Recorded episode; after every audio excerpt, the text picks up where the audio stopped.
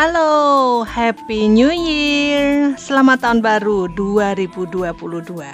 Selamat membuat resolusi baru di tahun baru atau selamat mengulang resolusi lama yang gagal di tahun 2021 lalu. Oke, saya mau lihat ke belakang tentang progres podcast saya selama tahun 2021. Sekalian hmm, mau cerita berapa sih pendengar aktif podcast ini? Menyedihkan sih kayaknya. Tapi ya karena saya model kurang narsis di grup atau komunitas podcast dan promo juga gitu-gitu aja jadi ya maklum aja ya baiklah yuk mulai Secara jumlah saya sudah mengunggah sebanyak 53 episode di tahun 2021. Tahun lalu saya buka episode pertama dengan mereview bacaan saya selama tahun 2020. Tentu saja ada yang berhasil dan ada yang gagal dong. Gagal kok bangga. Sementara di tahun 2021 ini kayaknya saya nggak bakal bikin review tantangan bacaan saya bersama grup baca kesayangan saya yaitu Joglo Semar. Karena, uh, karena saya gagal. Saking gagalnya benarnya saya nggak mau bahas ini karena uh malu. Tapi ya sudahlah masa sukses terus? Kan nggak mungkin. Sepanjang tahun 2021 ini ada saat-saat di mana saya sangat aktif dalam berpodcast. Saya bahkan sempat membuat jadwal dua kali seminggu uh, dengan hari tayang Senin dan Kamis. Senin adalah jadwal untuk mereview buku atau drama yang baru kelar saya baca atau tonton. Sementara hari Kamis biasanya saya jadwalkan untuk episode read aloud atau baca lantang. Biasanya sih saya baca hmm, kalau nggak puisi atau artikel pendek atau quote-quote menarik dari penulis kesayangan saya. Tapi karena saya nggak enak, nggak enak kenapa?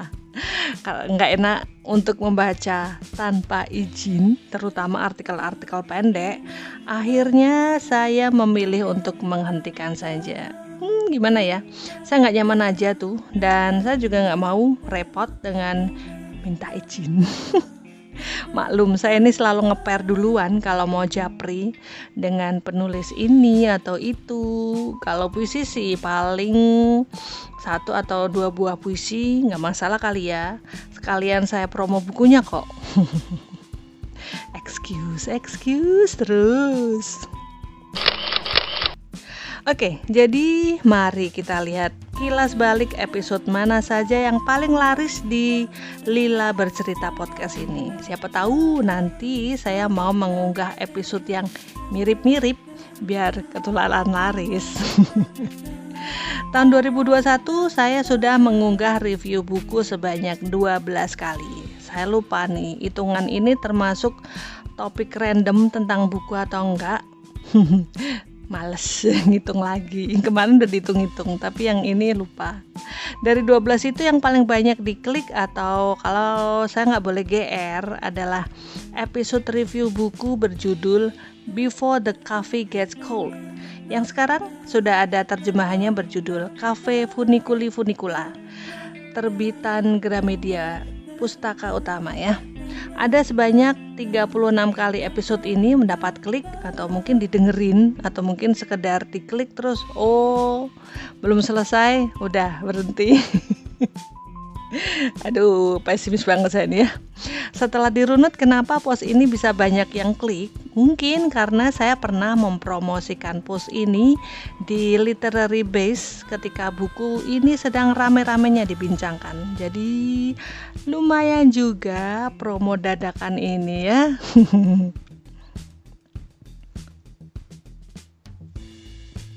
Sementara untuk review drama, meski saya lebih banyak menonton Japanese drama dibandingkan drama-drama lainnya, ternyata ada episode yang bukan J-drama yang paling banyak diklik.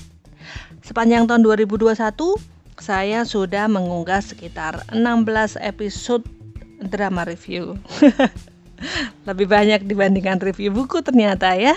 Hmm, jelaslah, kan nonton lebih tidak banyak usaha yang dikeluarkan daripada baca buku.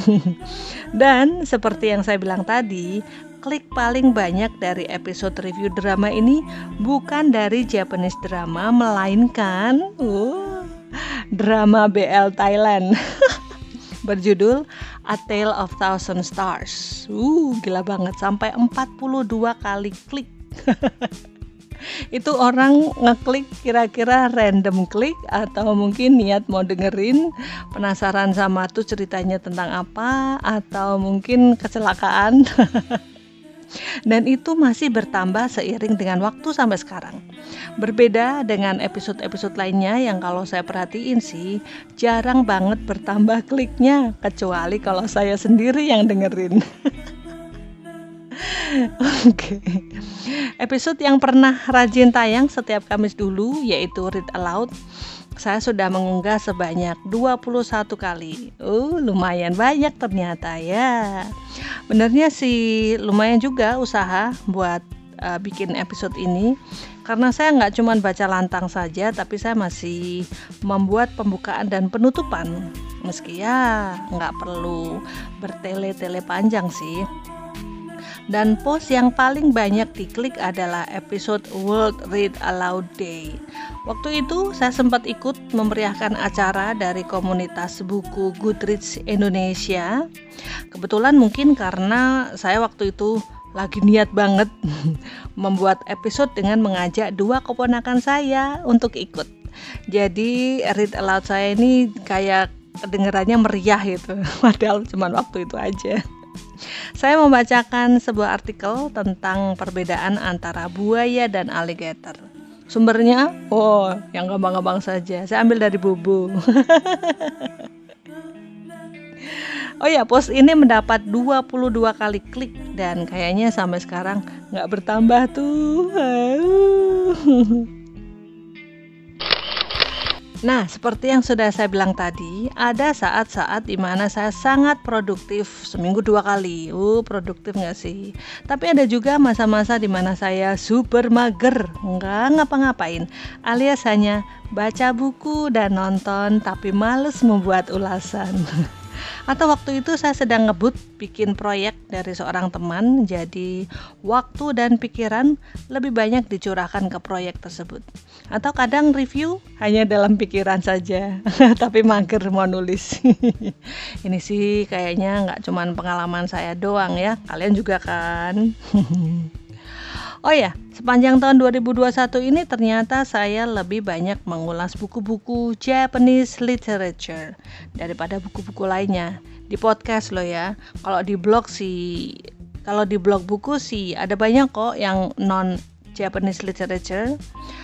Ada sih buku non Japanese uh, literature ini tapi tetap saja jumlah rekomendasi buku dari podcast Lila bercerita ini adalah dari J-Lit Sementara untuk topik review drama sebenarnya lebih beragam. Ada genre romance seperti Promise Cinderella, thriller seperti Influence dan Red Eyes. Tapi ternyata topik paling banyak klik dari genre yaoi alias boys love. Halo para Fujoshi, Genki desu Aduh, ampuni saya yang sudah memberi rekomendasi genre ini. Bayangkan, ada sekitar 5 episode tersendiri yang membahas tentang genre Yao ini. Termasuk obrolan gak jelas tentang genre ini bersama teman saya, Ika. Halo Kak. Dan kalau saya lihat lagi, jenis post ini selalu banyak klik. Paling tidak lebih dari 10 kali klik deh. Tapi ada satu episode drama Thailand berjudul I Told Sunset About You ini nggak nggak gitu laris, tapi ya nggak apa-apa lah. Namanya juga random review ya nggak sih. Well, secara keseluruhan saya cukup senang dengan progres podcast saya ini. Meski dilihat dari jumlah analitiknya nggak bagus-bagus amat sih. Ya kalau misalnya saya bandingin sama yang senior-senior, apalah saya ini.